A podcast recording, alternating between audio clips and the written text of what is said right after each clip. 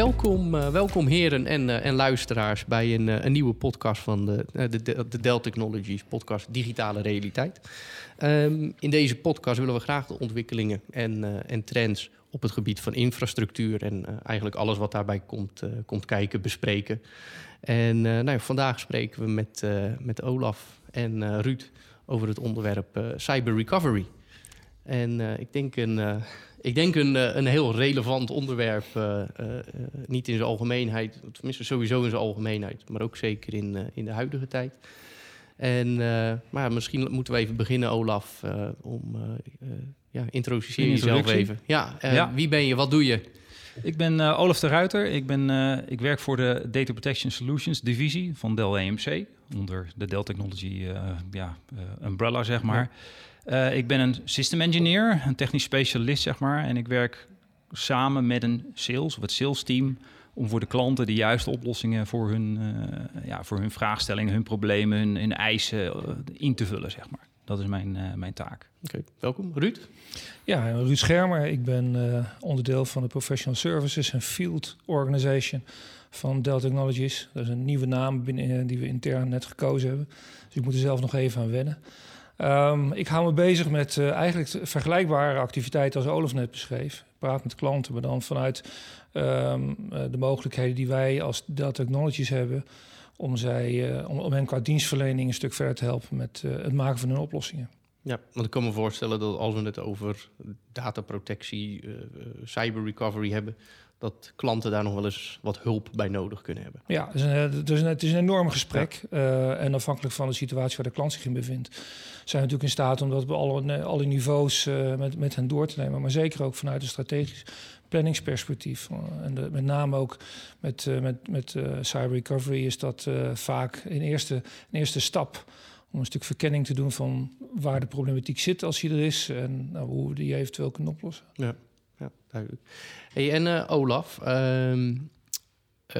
we gaan het over cyber recovery hebben. Uh, maar als we het over deze onderwerpen, de onderwerpen dataprotectie, mhm. security, ehm, recovery, maar ook cyber recovery. Ja.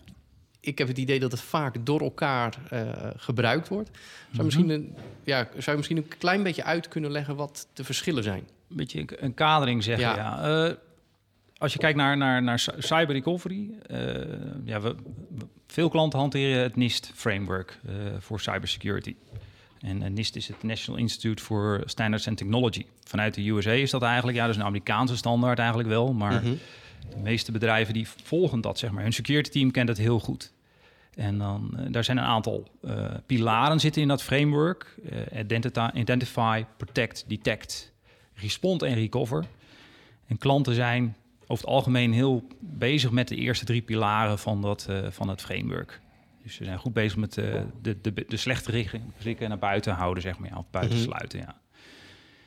Uh, daar, daar spenderen ze een, een, groot deel van hun, hun ja, security budget aan. En dat is een hot topic, is ja, dat, zeg maar. Ja. en, en, wat we zien de afgelopen jaren, de toename is dat cyber recovery, het, het, het, het, het geval van als het misgaat, dat krijgt steeds meer aandacht. En dat is nu een hoog, sinds eigenlijk begin 2019 eigenlijk een hoog uh, punt voor de CEO's geworden op hun agenda om, uh, om aandacht aan te geven, zeg maar. Dus ja.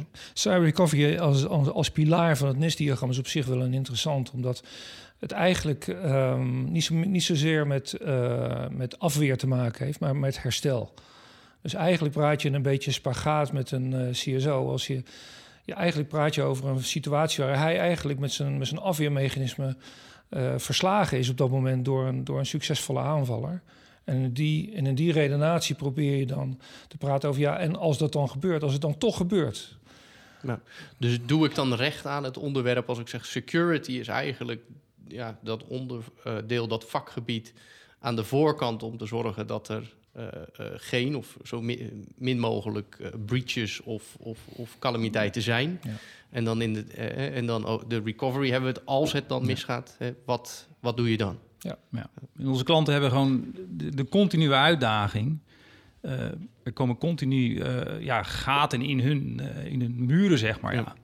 ja, vulnerabilities, die worden gepublished. Die uh, leveranciers, uh, iedereen publiceert die vulnerabilities en dan moet je er actie op ondernemen. Maar dat kost tijd. Dus er is een moment dat je ja, kwetsbaar bent. Dat is gewoon iedere klant, dat kun je niet zeggen. Dus dat hebben dat, zie, dat zie je gewoon in de situatie die, die plaatsvinden, dat er zo'n incident heeft plaatsgevonden, dat wordt onderzocht. En dan is het inderdaad het bijhouden van die security is een hele moeilijke. Ja, dat is, dat is gewoon een, een, bijna onbegonnen werk op dit moment. Dus je, en we zijn well connected, want iedereen heeft Core Edge Cloud, zeg maar, op dit moment. En je moet al die punten moet je blijven beveiligen. En jouw security team is beperkt als klant, zeg maar. Je hebt een team van een paar man zitten die dit, uh, deze verantwoordelijkheid hebben. En die doen echt goed hun werk en hun best. En tot op heden gaat het altijd inderdaad goed. En, maar dit is inderdaad, oké, wat als er in, in het geval dat het misgaat? En er zijn ja. talloze voorbeelden natuurlijk dat er wel eens een keer iets misgaat. Nou, er is natuurlijk ook een duidelijke toename in een nieuw soort um, cybercriminology, cybercrime. Um, waar vroeger had je mensen die proberen informatie te stelen en die te verkopen en dergelijke. En nu zijn ze een stap verder gegroeid in een uh, lifecycle, zou ik maar zeggen. Waardoor ze gewoon uh, in staat zijn om naar zorgvuldige uh, voorbereiding, als ze binnengedrongen zijn, in één klap delen of de, de, totale organisatie in gijzeling te nemen. Of erger nog, dat ze moedwillig data vernietigen. Dus dat zijn eigenlijk de twee, ja, laten we zeggen, de modernere vormen van cybercrime waar je, waar je mee te maken krijgt. En dan dien je je toch echt af te vragen, zeker als de publicaties inderdaad toenemen, over gevallen in jouw, in jouw ja, herkenbare omgeving. Um, dan dien je af te vragen, hoe kwetsbaar ben ik? Hoe gemakkelijk is het om binnen te dringen? Als je ook nog denkt dat een behoorlijk en ook een toenemend percentage van dit soort aanvallen gebeurt door mensen van, van binnenuit de organisatie, die zich oftewel uh, illegaal hebben binnen weten te laten sluiten. Of ja, ja maar ook, ook medewerkers. Uh, dat, is, het, dat is ook een punt, een goed punt dat je aanhaalt, uh, Ruud. Die interne medewerker, die wordt misschien die internal threat. Die is er natuurlijk inderdaad. Het kan een mm disgruntled employee zijn, maar er is ook heel veel phishing e-mails worden er verstuurd. Er worden per, dag worden er miljoenen phishing mails naar klanten gestuurd. Ja. wij zelf ontvangen ze ook, zeg maar. Ja, dus je moet je medewerkers blijven trainen op ook hoe ga ik daarmee om. Maar er is altijd een deel van de medewerkers die wel daarvoor vallen. Dat is, ja. Er komt een bepaald percentage van die phishing mails is succesvol. Dus die worden uitgevoerd, die code wordt gedraaid binnen jouw netwerk. En daar kun je niks tegen doen. Dat is gewoon inherent aan, aan de mens, zeg maar. Ja. De people, de processes, ja, dat is gewoon... Uh... Ja, als je dan phishing mail hebt om, uh, om dingen te verstoren en dergelijke... die dus die programma's op start om zaken te verstoren... heb je vrij snel in de gaten dat er iets mis is. Dan gaan de alarmschellen rinkelen, als het ware. Maar als een phishing mail bedoeld is om iemand toegang te geven... en die vervolgens jou uh, rustig, op een kalme manier, ongezien... Uh, jouw hele landschap in kaart brengt. Vervolgens een strategie ontwikkelt om te weten waar die moet toeslaan... en hoe die moet toeslaan.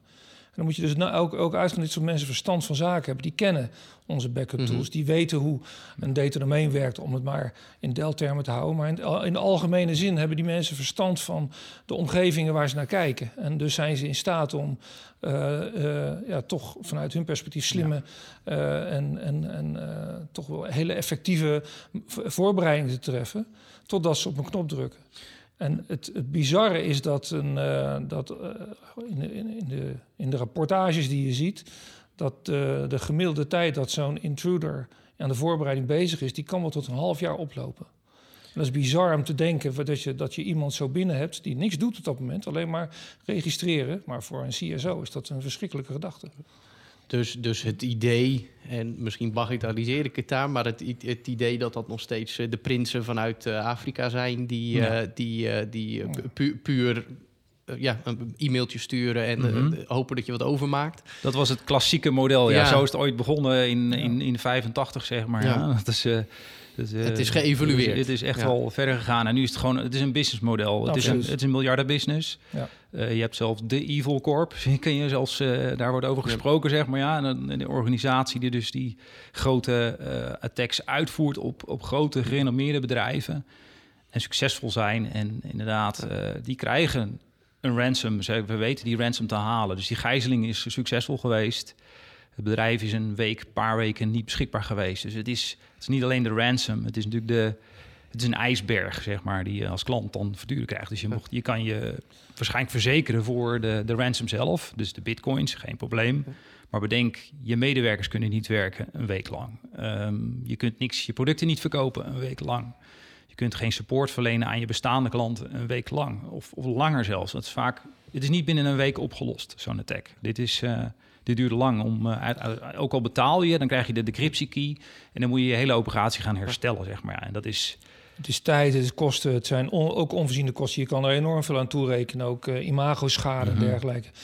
Het aantal keren dat een, dat een aanval succesvol is, is vele malen groter dan datgene wat we bij mondjesmaat via de pers te weten krijgen. Ja, want we zien wel, in de pers krijgen we af en toe, en ik, ik denk dus zeker ook jullie, maar uh, ja, dat, dat, dat, ja, bedrijven, organisaties zijn denk ik ook niet zo heel welwillend om dat natuurlijk als het gebeurt in de openbaarheid nee, te brengen. Uh, maar we zien in de pers natuurlijk zo, enkele ja, grote cases uitgemeten. en die worden dan ook wel redelijk uh, gedeeld. Uh, in, uh, in Nederland ook nog een paar keer. Al, als we nu, we hebben het net over de phishing mails gehad en over de mm. ransom. Zijn dat de twee grootste vormen van aanvallen of gevaren voor organisaties? Of, of, of is het. Ja, dat is, is ook. Er is natuurlijk een palet, sorry, ja, er is ja. een palet aan, aan, ja. aan, aan verschijningen van aanvallen. Hè. DDoS is natuurlijk ook, ook zoiets waar het, waar het ons om gaat en waar, waar, waar, de, waar onze ja, bezigheden rond cyber recovery uh, mee te maken hebben, is het feit dat je uh, geconfronteerd wordt met een situatie waar je er zelf een, in ieder geval een deel van je, van je productieomgeving niet meer zelf kan controleren. Of het is vernietigd uh, door iemand dat het er gewoon, en dat het er gewoon, niet meer, niemand, gewoon niet meer is. Die gevallen zijn bekend. Of het is geëncrypt totdat je betaalt. En dan, daarna moet je ook maar hopen wat ja. er gebeurt. En wat wij zeggen, ja, we zijn, en dat heeft ook met de klantsituatie uit het verleden, jaren vijf geleden, te maken. Dat we, uit, dat, dat we eigenlijk uh, zijn uitgenodigd om, deze, om, om, om, een oplossing te bedenken van wat nou als we, als we echt helemaal afgefikt zijn als, als bedrijf, als we niet meer terug kunnen, als het vernietigd is. Ja. Dat is de absolute worst ja. case kunnen we, wat moeten we dan doen om alsnog vanuit, uh, vanuit een beperkte uh, laten we zeggen, omgeving te kunnen terugkeren in de business? En, en snel een beetje als het even kan. En zo is de hele, het hele idee van een, een, een, wat wij noemen een cyber recovery vault. Dus een, soort mhm. kluis waar je dus de, de belangrijkste uh, data en spullen bewaart om te kunnen terugkeren. Naar een, naar, naar, naar een afgestorven landschap, ja. zo zeggen. Veel klanten die grijpen terug op hun dataprotectie op het moment dat dit gebeurt. Ja. Dan hebben ze, oké, mijn primaire data is vernietigd. Dan heb ik wel de backup, even traditioneel genoemd. Dan ga ik naar mijn tapes toe of ga ik naar disk-based backup toe. Nou, heel veel klanten gebruiken tegenwoordig disk-based backup. Uh, en kunnen snel op die manier uh, systemen herstellen. Alleen wat er, uh, de trend is dat de aanvaller natuurlijk, eh, hij is aan zijn hele de situatie aan het, aan het uh, uit uh, bekijken hoe het in elkaar zit bij een klant. Ja, dus waar staan een hele systemen? Ja, dus hij weet, ja. hij weet, oké, okay, ze gebruiken die dataprotectiesoftware, uh, zo wordt het gedaan, zo draait het en die gaat dat uitschakelen, want die wil gewoon dat hij, dat hij alleen de, de kopie heeft van de data. Hij moet het in greep hebben, dus hij moet de backup vernietigen. Dus hij gaat de catalog dus de indexes van de backup, die heb je nodig om, om data te herstellen, om te zoeken erin. Dus die zal die vernietigen. En dan en het volgende wat hij probeert is de data te overschrijven op disk. Dus gewoon de, en dat kan zelfs op een heel laag niveau kan dat gaan. Mm -hmm. de rate set vernietigen. En uh, ja, de, de, als je naar een store systeem kijkt, daar gaan we het natuurlijk nu niet technisch over hebben. Maar er zitten schijven in en die schijven zitten in, in, een, in een bepaald ja, uh, layout, verband inderdaad, even simpel te zeggen die attacker die kan op een low level komen en die vernietigt die, dat verband en die maakt een nieuw systeem aan en die schrijft een nieuw filesystem noem je dat dan. Ja, en dan schrijf je dat gewoon een paar keer met 0 en 1 bewijs over en dan is het gewoon, die data is niet meer te herstellen. Of heel moeilijk misschien in, in het uiterste geval. Ja.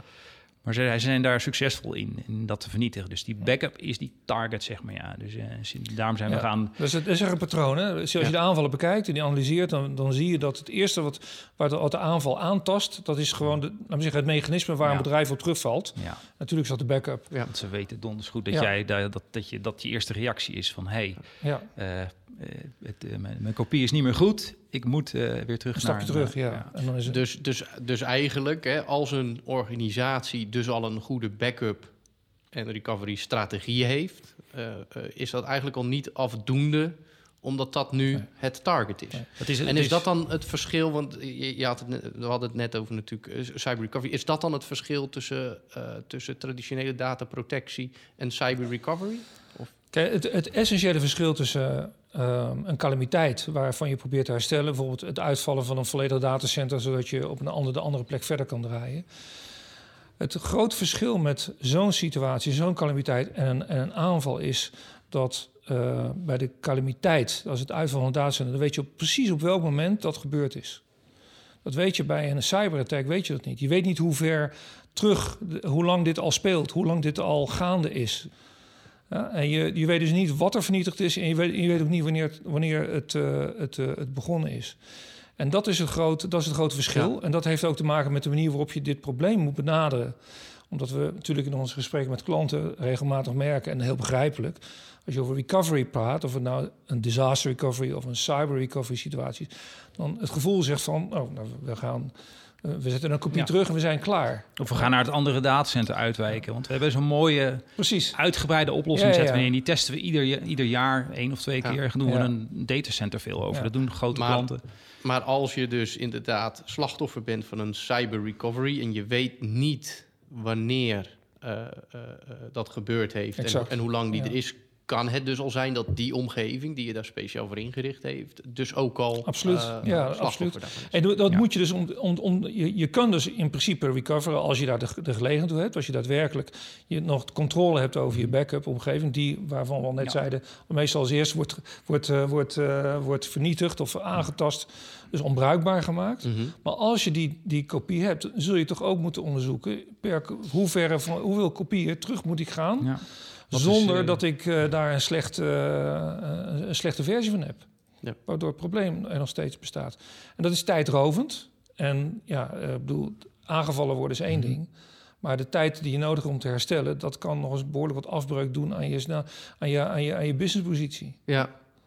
Dus vandaar dat nou, die, die, die recovery als zodanig, uh, het is een ander type recovery waar we het nu over hebben, um, maar wel gericht is op een zo snelle en zo ja, um, effectieve terugkeer. Ja, je, want je, naar, je, je, je, repliceert eigenlijk uh, synchroon of asynchroon noemen ze dat inderdaad. Dat is wel, je wilt zo snel mogelijk die data van één locatie naar de andere hebben. Dat is ja. disaster recovery. Ja. Je wilt uh, je productie kunnen herstarten in een andere locatie of in, in een in een plaats waar die niet affected is door op de primaire ja. site. En uh, dat heet soms uh, beschikbaarheidszones. En uh, dat heeft te maken met misschien geologische of in ieder geval overstromingen. Moet je denken aan dat je wilt inderdaad de ene zit beneden zeespiegel, de andere boven zeespiegel. En wil je dus gewoon tegen een overstroming kunnen, ja. kunnen dat soort zaken. Dat is echt disaster recovery. Ja. En, en cyber recovery is, of in ieder geval een, een cyber event zal direct de data uh, encrypten aan beide kanten. Want die, replica die replicatie gaat ook gewoon direct door. Dus je repliceert dat, ja. Dus de vraag is, wat doe je eraan? Nou ja, jij had, jij had het net al even snel. Uh, je zei van nou, en daar hebben wij een volt voor. En ik, volgens mij is dat een beetje ja. de, de, de ja. richting op ja, wat je daaraan Het is kunt duidelijk dat de industrie uh, uh, behoorlijk intensief bezig is met het zoeken naar oplossingen. Ja. En uh, wat wij van, van Dell Technologies hebben, dat is wat we een Cyber Recovery Vault noemen. Waar we een aantal uh, zaken nou ja, willen bewaren die jou in staat stellen om terug te keren. Dat zijn natuurlijk uh, een meaningful terugkeren betekent inderdaad dat je je business kunt hervatten om zo kort mogelijke tijd.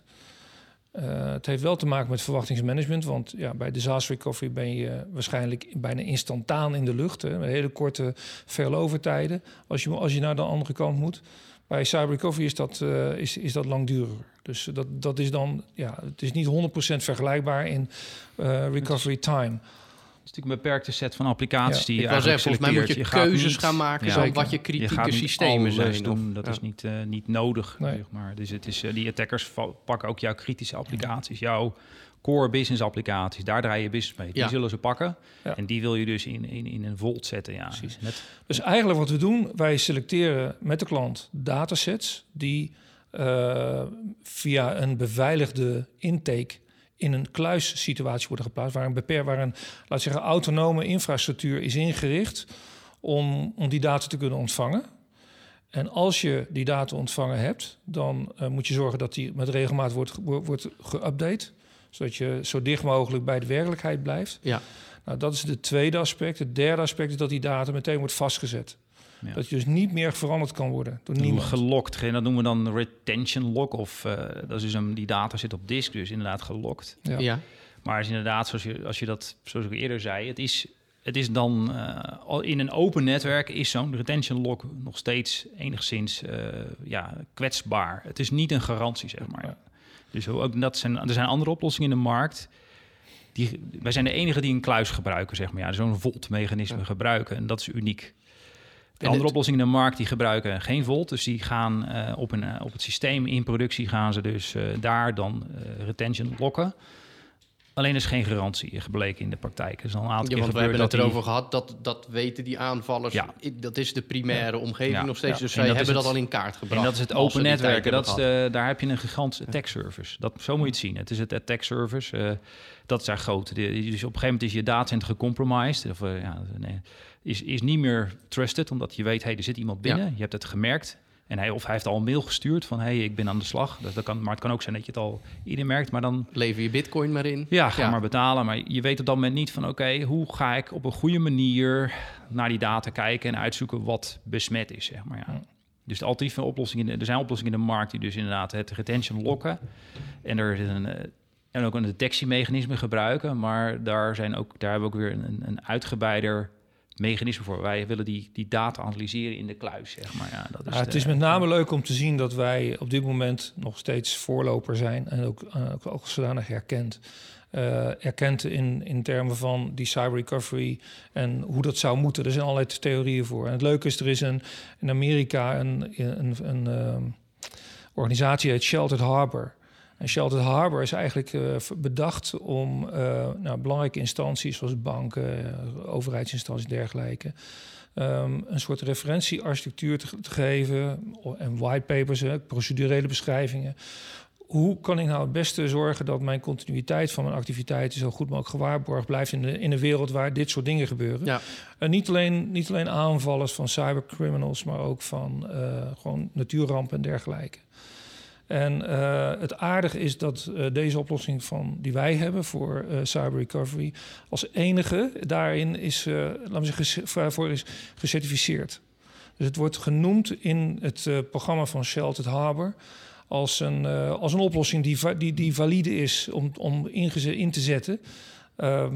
eh, om jezelf wat, wat beter te beschermen tegen cybercrime. En de, de Sheltered Harbor, wat, wat, wat, wat zijn daar de organisaties achter? Ja, dat zijn. dat? Het is eh, non-profit, zeg oh, maar. Ja, dus het is echt, eh, ja. Maar wat zit erachter?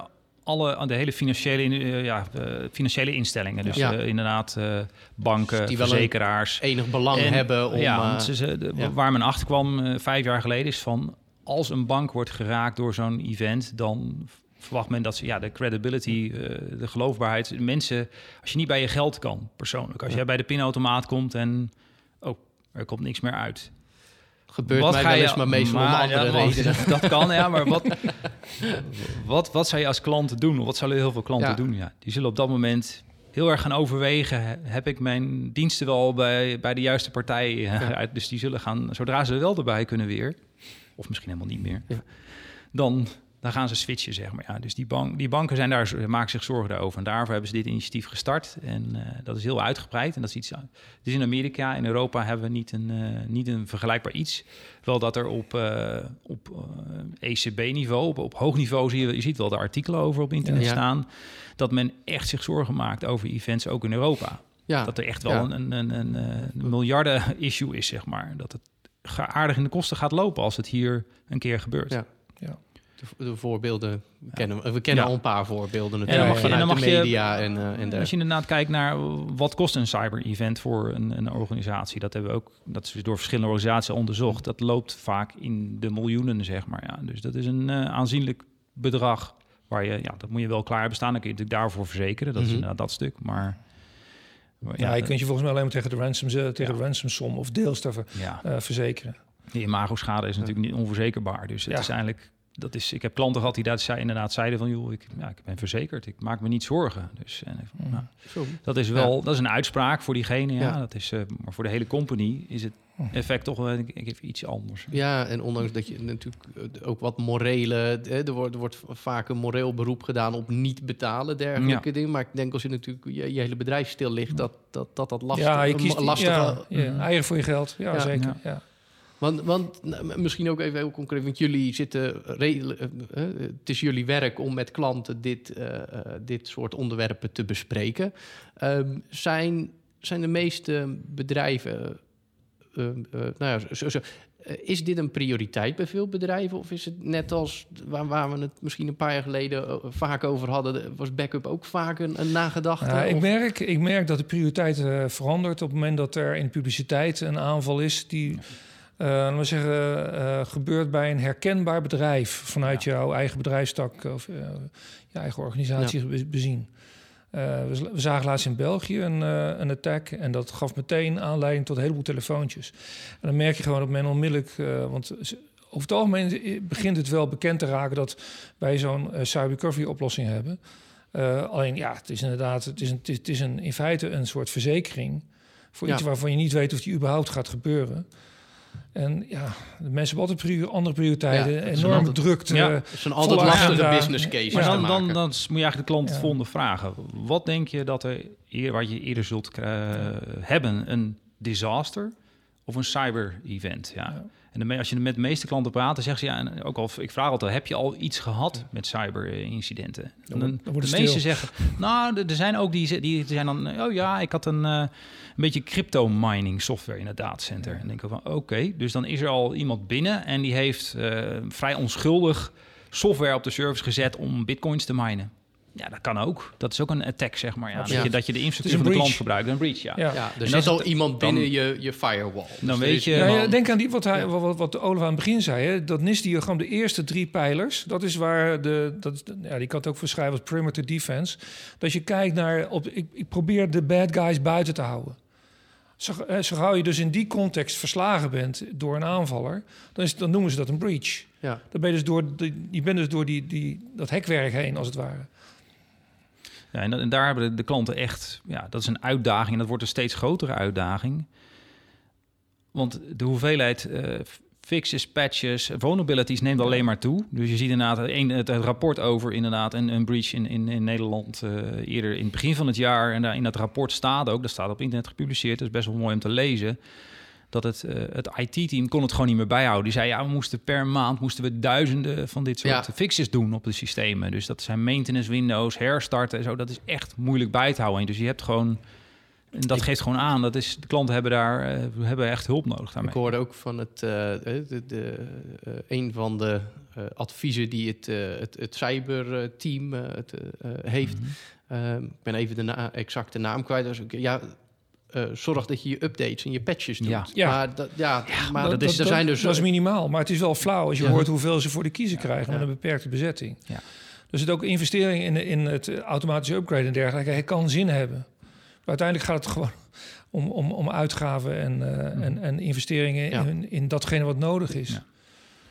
Dus er zijn, zeg maar, je hebt een, een goed, beter, best approach voor cyber recovery ook. Ja, en, en goed begint al met het patch inderdaad. Ja, de basics. Eh, er, er zorgen dat eh, eh, wachtwoorden worden veranderd ook. Dat is ook iets wat bij veel bedrijven niet continu gebeurt. Je moet wachtwoorden continu veranderen, Ja. aanpassen, al dan niet automatisch. Eh, je hebt zogenaamd gebruikersaccounts, maar ook de service accounts, dus die door systemen en applicaties worden gebruikt. En die attacker probeert zo'n zo'n service account te pakken te krijgen, bijvoorbeeld niet de gebruikersaccount, om, om, om daarmee een aanval te doen. Dus die probeert al die, al die dingen zal die misbruiken. En daar klanten hebben, ja, door, ook door omdat ze het, eh, inderdaad moeten patchen op al die systemen, gaan ze op al die systemen aanmelden met een account en dan worden de credentials gecached. En dan eh, in, in dat geval bij die, eh, bij die klant eh, in het begin van het jaar Mhm. hebben ze daarmee die vulnerability kunnen pakken. Een vulnerability op een bepaald Windows systeem wat de klant nog had.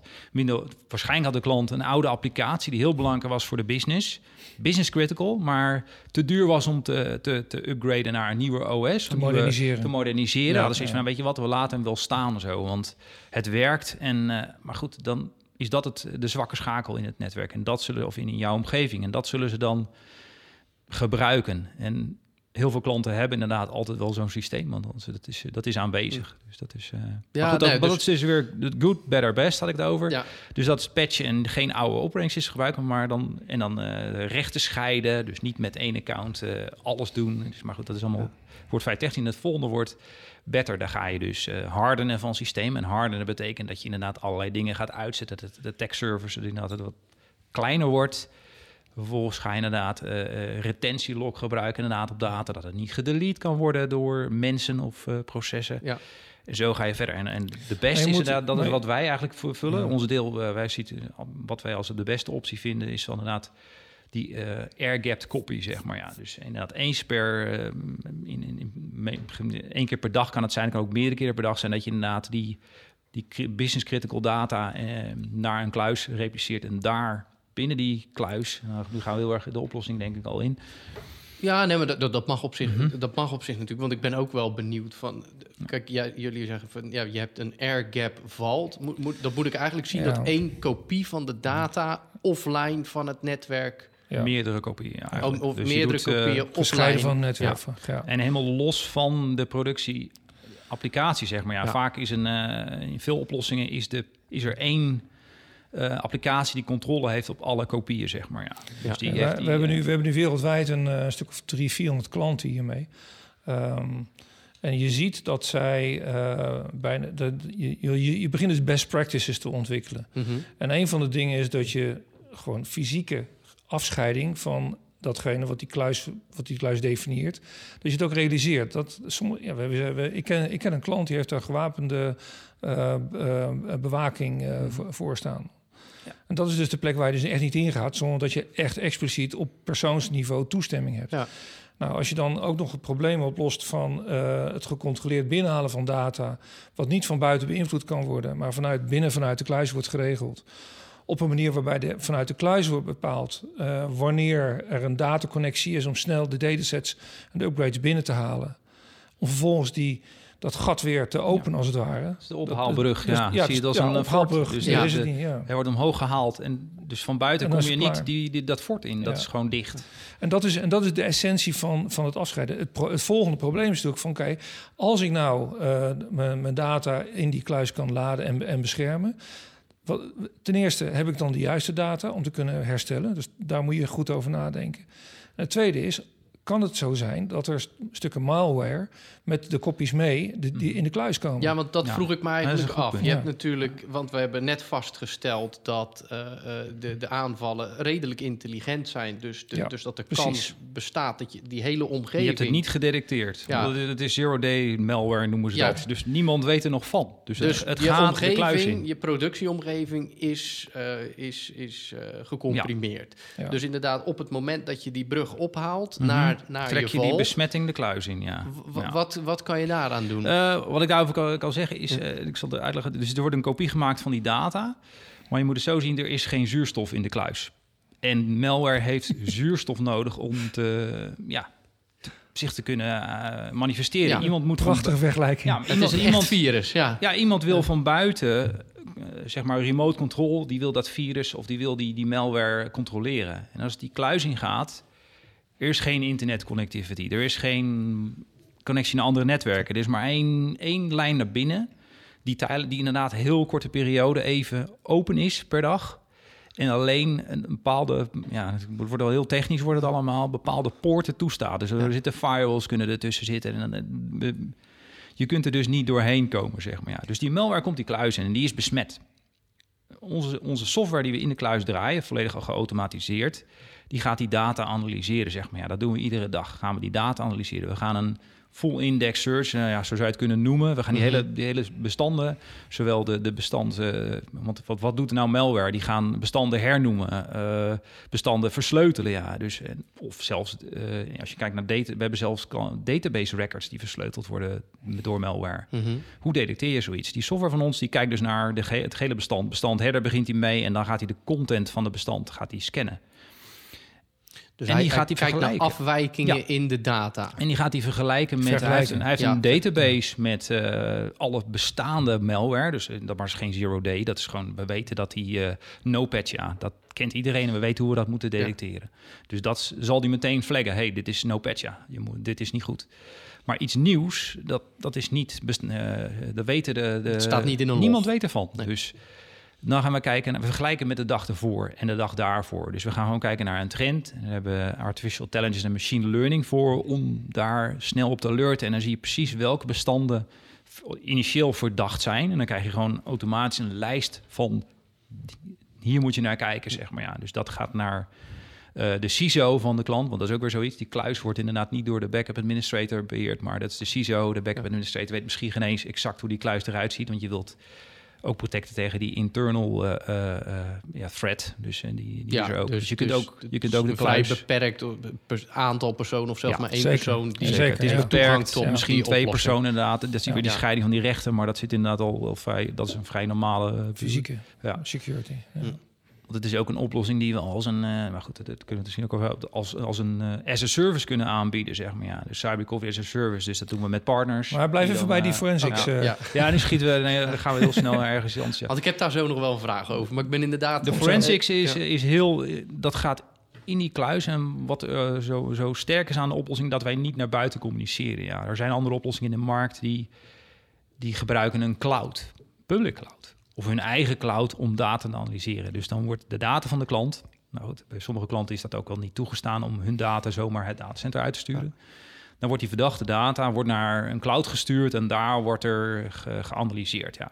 Je moet bedenken dat die, aan, die aanvallers zijn slim. Die proberen, dus hun attack is disable het internet, zeg Ja. maar, bijvoorbeeld. Of, eh of spoof de cloud. Dus opeens gaat het naar hun cloud in plaats van naar de cloud van eh, de partner die, eh, die bedacht Dus heeft. die van, verbinding is per ja, definitie een zwak, Dat is- dat is een zwak punt. Ja. ja. dus ze zijn echt heel inventief. We hebben Ja, in, de laatste... Wat, wat wij promoten is inderdaad om te zorgen dat je als je die, die cleansing wil doen van de data die in die vault zit, probeer dat eigenlijk een extensie te laten zijn van de vault-omgeving. Met andere woorden, dat je de cleansing ook een aparte ja, zandbak-achtige omgeving doet. Waar je, je kan een kopie trekken van die dataset en dan kun je er volledig naar kijken. Je kan het op zijn kop zetten, je kan het tegen het licht houden.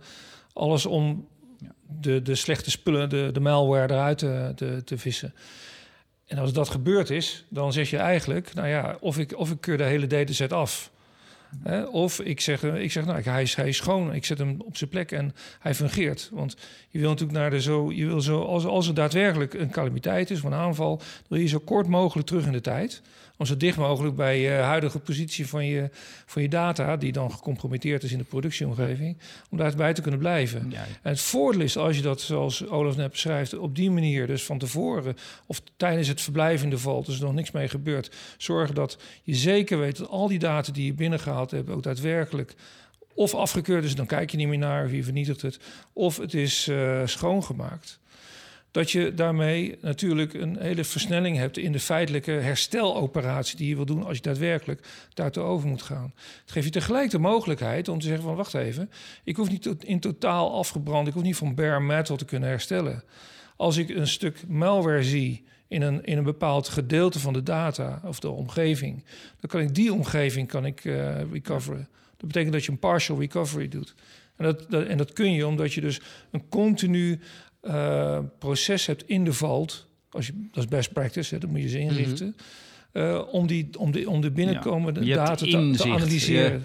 Je hoeft niet eh, te... Ja, Ja. va- vaak is nu wat men hanteert, ja, hoop noemen ze dat dan, zeg maar. Ja, dan oké, ik, ik ga dus op mijn backup eh, ga ik terugvallen. Ja, Maar dat moment, er is iets gaande, dus dan gaan jouw, jouw mensen gaan dan, eh, die hebben al hun tijd nodig om alle tapes te gaan uitzoeken of alle, alle backups te gaan uitzoeken tot ze inderdaad dat clean hebben gezocht. En onze oplossing gaat in, het, in een vroeg stadium, dus die malware is nog niet actief geworden, gaat hij al een alert geven in veel Ja. gevallen van hey, dit is verdacht, ga er naar kijken. Dus je wordt al in een vroeg stadium en kan zelfs voorkomen dat, eh, dat er een data-extractie gebeurt. Dus sommige van die attackers die gaan ook data extracten. Hè? Dus die gaan da- niet alleen encrypten, maar die zullen jouw belangrijke data gijzelen en zeggen: joh, eh, ik heb, uh, ik heb ook nog een kopietje hier staan en ik ga het vrijgeven als jij niks zegt. Ik, geef het, ik zet het op internet of zo, dat soort dingen. Ja. Dat, uh, ja.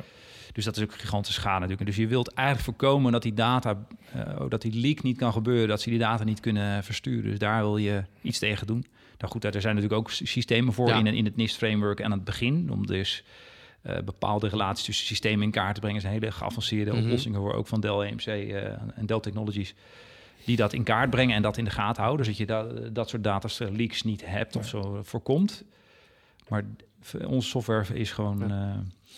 En dus, dus het principe, principe is duidelijk. Um, uh, nu, nu zei je ook al van, nou, want wat ik me dan afvraag, hè, jij zei ook al, wij kunnen dat ook als managed service aanbieden. Want ik, ik denk dat het verhaal heel duidelijk is. En ik denk als jullie dit gesprek hebben met, met klanten, maar veel uh, dat, dat, dat ze het snappen. Maar en, en, en, en begrijpen. Echter, niet iedereen heeft natuurlijk sowieso een dedicated CISO mm. of, of ook de mankracht en de kennis om, om, om dat te doen. Dus ik kan me voorstellen dat ze daar wat hulp willen gebruiken. Dus mijn, eigenlijk heb ik twee vragen. Allereerst, hoe kunnen wij dat als managed service aanbieden? Uh, maar ik zie bijvoorbeeld ook, en dat, dat bij de grote uh, uh, cloud-aanbieders, maar ook heel veel kleinere aanbieders, zie ik natuurlijk allemaal cyber en backups, recovery, cyber oplossingen al zo aan te klikken. Mm -hmm. Dus wat kunnen wij daar aanbieden en wat is dan het verschil met heel veel cloud-oplossingen? Ik denk voor Ruud dat jij dat het beste kunt beantwoorden, denk ik. De, de managed services. Ja, nou ja, weet je, het is, het is een oplossing die in feite een, ja, twee, twee dingen met zich meebrengt. Een stuk infrastructuur. En daarvoor kan je als klant kiezen, wil ik dat aanschaffen of wil ik dat uh, laat, via een ander model uh, kunnen, kunnen gebruiken. Uh, het andere aspect zijn de procedures eromheen. Dus het hele managen van, van, van, de, van de zaak. Kijk, we proberen natuurlijk, en dat, dat lukt aardig, ontzettend veel van de processen die, die gaande zijn in die vault, de forensics, te automatiseren. Dat betekent dat je een stukje monitoring en reporting moet doen. Um, dat kan je. Dus de, dat is, punt 1. En punt 2 hebben natuurlijk te maken met de regelmatige zeggen, verbeteringen, upgrades van allerlei componenten van de, van de vault. Maar dat beheer en die omgeving, dat, dat is uit te besteden uh, aan, een, aan een reguliere eh, provider. Uh, wij zelf doen het ook, weliswaar voor de, voor de wat grotere bedrijven, wat grotere organisaties. Um, maar uh, het is zeker mogelijk. En wat je dan krijgt, is dat je een, een, een basisinrichting krijgt in zo'n situatie van een, uh, van een, van een cyber recovery omgeving, zoals, zoals wij die dan definiëren samen met de klant. En vervolgens dat dat in beheer wordt genomen door de, nou ja, zeg even voor de grap, Dell Technologies Managed Services Organisatie. En uh, dat betekent dat je, dat je een catalogus hebt van zaken. Uh, ja, wil je wel of geen uh, forensics? Het, heeft allemaal een, het, is, het is een onderdeel van de dienstverlening en die is redelijk à la carte te doen. Maar goed, er zijn natuurlijk wel een specifieke afspraken over te maken. Als je kijkt naar de moderne service providers die een eigen omgeving hebben, kan het zijn dat ze het interessant vinden om dit als een extra dienst aan hun klanten, dus multi-tenant, te, te, gaan, te gaan aanbieden. Um, ik, ken, ik zelf ken nog niet een, een, case dat dat ook gebeurd is, maar ik kan me alles bij voorstellen. En we zijn er natuurlijk zelf bij om te zorgen dat onze oplossing uh, in toenemende mate bekend wordt mm -hmm. in de industrie, ja. om, uh, in de wereld, om te zorgen dat dat een uh, alternatief is. Het leent zich er wel voor, absoluut, als het er ik, staat. De meeste service providers hebben natuurlijk al een backup as a service. As a service. Ja, ja, ja. Dus, ja. ja, ja. Dus, dus je zou een soort multi-tenant uh, cloud kunnen krijgen. En dat is uh, wat, wat alleen maar beheerd wordt door de service provider. En die daardoor eigenlijk zelf verantwoordelijk is voor de integriteit van wat er in die vault staat. Ja. En dit is, onder, het is best een breed platform ook hoor. Ja. Dus ik wou, wat, wat ik toevoegen is, is niet alleen Dell Technologies uh, software die er gebruikt kan worden. Er kan ook third-party software gebruikt worden. Ja. Dus dat is even belangrijk om te noemen. Dus als klant al andere backup oplossingen hebben. Ja. Die kunnen we integreren met deze cloud. En dat doen we ook met, heel, met deze oplossing. En deze, dat doen we ook voor heel veel klanten al. Ja. Dus ja. klanten hebben vaak meerdere producten. Die hebben niet één dataprotectieoplossing. Maar die hebben eh, door uh, tijd, verloop van tijd, hebben ze gewoon verschillende oplossingen staan. Die allemaal gebruikt worden. Dus die kunnen allemaal gebruik maken van deze kluis. Ja. ja. Dat is ook een belangrijke. Dus het en, is het niet... bouwen, en het bouwen van, van een cyberrecovery omgeving of oplossingen zoals wij noemen. Ehm, ehm, en, het, en het daadwerkelijk volledig in gebruik hebben daarvan, daar gaat nog wel behoorlijk wat tijd overheen. Ja, Want eh, je moet op een gegeven moment, als het er staat en het is allemaal leuk en het draait en het zoomt en dan knip je alles, alles knippert eh, en zo. in het datacenter, dan moet er een aantal stappen worden genomen om daadwerkelijk de data die in, het, in de productie is en die beschermd moet worden, om die erin te krijgen. En dat is ook een proces waar je ja, door je organisatie met een aantal vragen moet kunnen bepalen, eigenlijk een klassificatie doen. En, en veel, veel bedrijven die doen in feite dan eh, in, in dit kader, dus in het kader van cyber recovery, die doen een business eh, impact analysis. Om te zorgen dat ze zelf een keer ook in kaart hebben van oké, vanuit het perspectief van recovery, wat moet ik nou allemaal in die vault Ja. zetten? wat, wat, Ja. is, wat zijn die kritieke data? Ja, wat zijn die kritieke Wat, wat, kan er, wat kan er buiten en- blijven, en- et cetera, weet je wel? En, dat, eh, en hoe je dat dan wil beschermen, dat, dat, misschien doe je dat op tape of offline, maar het is niet iets wat je nodig hebt in je herstelprocedure om terug te keren naar, naar, de- naar het land van de leven, om het zo maar te zeggen. En daar hebben we heel veel ervaring mee, want het is in alle industrieën komt dit voor, zeg maar. Ja, in, in medische eh, ziekenhuizen, Ja. eh, fi- financial industry, eh, automotive. Je, je ziet ze allemaal, zeg maar. Ja. Dus, Maar je, je, Dus je, zegt in, je zegt van het komt overal voor. En ik denk dat, we, Mhm. dat, dat dat ook misschien wel de, de, de strekking van het verhaal is. Het komt overal voor. En, en de Mhm. kans dat het gebeurt eh, is, is, is, eh, is aanzienlijk. Dus wat ga je dan, eh, ga je dan doen? Het, is bewust, het is bewustwording. Ja, Ve- Veel van onze discussies met de klant beginnen met een soort bangmakerij. Dat is, dat is, niet, dat is niet bedoeld zo, maar het is wel de realiteit. Omdat je, omdat je soms toch ja, even een soort referentie wil hebben van waar, waar, waar doen wij dit voor? Waarom, Mhm. waarom komen wij hier met deze urgentie in dit gesprek? Omdat we zeggen, ja, je bent echt kwetsbaar. En het gaat makkelijker dan je denkt. En het gaat ook op een manier waarop je soms al... Dat, dat zei ik al, hè, sommige, sommige zijn, zijn een heleboel gevallen bekend van waar, waar, waar eh, de slechterikken dan al tijden, zeg maanden, binnen zijn, een aantal voorbereidingen kunnen treffen. En op het moment dat het gebeurt, dan, dan, dan, dan kijk je om je heen en het lijkt of, de- of de hele wereld instort. mhm. En dat is waar je mee geconfronteerd wordt. Als je dan iets hebt waarop je kan terugvallen, dat is geen schijnzekerheid, dat moet je ook testen. Ja, dan, dan ben je in staat om een uitspraak te doen over, oké, dit is gebeurd, we kunnen nu betalen. Eh, maar we kunnen dus nu ook we zeggen, de tijd nemen om te recoveren. En dat, dat hebben we dan hopelijk van tevoren ook met elkaar be- besproken. Waardoor je een gevoel krijgt van, oké, hoe groot ga, hoe erg gaat dit worden? Terwijl als je op een, op een, op een verkeerde dag wakker wordt en, het- en de, je slechte droom is waar geworden, dat je systeem totaal gehackt is, ziet over van die doodskopjes op je scherm. ja Dat is een, wat er eh, gebeurt, ja. Echt een vervelend drama. belletje die je Ja, dan Dat is echt krijgt. een ja. drama, ja. Ja. Dan, eh, En dat is een een bewustwording van enerzijds de noodzaak om het te doen en het, en het belang ervan. Aan de andere kant een, een, laat iedereen zich realiseren, eh, of proberen te realiseren hoe kwetsbaar je bent. Niet in termen dat je aangevallen kan worden en hoe stoer je wil, hè, hoe goed wil je je niet die perimeter defense op opgezet. Maar ook om te kijken van, oké, wat kan ik als business hebben? Hoe, hoe- erg moet de aanval zijn dat ik behoorlijk onderuit gehaald Ja. word qua business? Met andere woorden, dus wat is mijn, wat, hoe snel moet ik terug zijn? Ik heb wel eens van een klant gehoord, die, het ging over disaster recovery, tijden terug. Dus totale online business, als die, als die een week eruit zouden liggen, nou, dan kunnen we de zaak opdoeken. Ja. ja, dan... eh, Eh, En daar moet je goed over nadenken. Ja. Dus inderdaad, als iemand zegt, joh, ja, we gebruiken wel een tapeje, of een, eh, dan Ja. is dat waarschijnlijk niet. Is dat Niet- waarschijnlijk dan is niet afdoende klaar, ja. voor de... Ja. En zonder Ja. in doemscenario's Ja, dus je eh, ziet te ook dat die discussie breder is dan Ja. alleen met de IT-afdeling. Ja. bij spreken, Of met de CISO. Je hebt, je hebt vaak ook een, een, een discussie met, een, met, met iemand die een duidelijke business verantwoordelijkheid heeft. Want je, je, je kwetsbaarheid heeft die en die gevolgen. Ja. Je moet het zien te vertalen naar nou ja, een soort ja, kwantitatieve, Ik heb, ook niet het, verschijnselen. ik heb ook niet het idee dat die bewustwording inderdaad in de, in, eh, eh, ontbreekt bij de rollen die daar dagelijks mee bezig zijn. Maar het zijn inderdaad die rollen die, die misschien een totaal andere eh, eh, eh, verantwoordelijkheid hebben. Inderdaad, die, eh, die, die managers, bestuurders, die mm, ja, vooral met de, de zaken en de business bezig zijn. eh, die zich misschien niet in alle tijd weten wat hun kwetsbaarheden op dit gebied zijn. Nou, ze, wanen zich, ze zich beschermd en terecht. Ik bedoel, Ja. als jij in een ziekenhuis werkt, dan heb je te maken met het hopelijk verzorgen van patiënten en eh, allerlei andere taken. Maar je hoeft niet zorgen te maken dat je IT-omgeving eh, wordt gekaapt. Dat ga je eigenlijk vanuit. Je wil op een knop drukken en je hebt de status van die patiënt voor je en niks anders. En het vervelende is dat juist die organisaties te- behoorlijk kwetsbaar zijn. statistisch gezien, als je, als je kijkt naar de rapportages. Dus healthcare-achtige omgevingen, die hebben over het algemeen nou, toch een klein achterstandje. Is, is, is, is wat de waarneming is. Ja. ja. Dus nou, misschien dat wij in ieder geval met deze podcast een, een stukje hebben kunnen doen aan die bewustwording. Wie weet. En en uh, nou ja, ik, ik, ik heb in ieder geval weer uh, het een en ander geleerd. Uh, en ook het verschil tussen, tussen security, mm-hmm. backup en recovery en cyber recovery.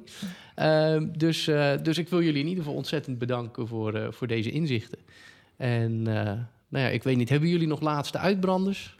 Laatste uitbranding, ja, we gaan graag in gesprek met klanten over, over hun ja, situatie, of in ieder geval over, over dit onderwerp. We gaan graag een discussie. En ja, Oké, nou, ik zal zorgen dat uh, ergens een, een linkje of een, uh, een contactknopje zal, zal zitten. Heren, dank jullie wel. Met plezier gedaan. Ja, gedaan. Hartstikke leuk. Dank jullie.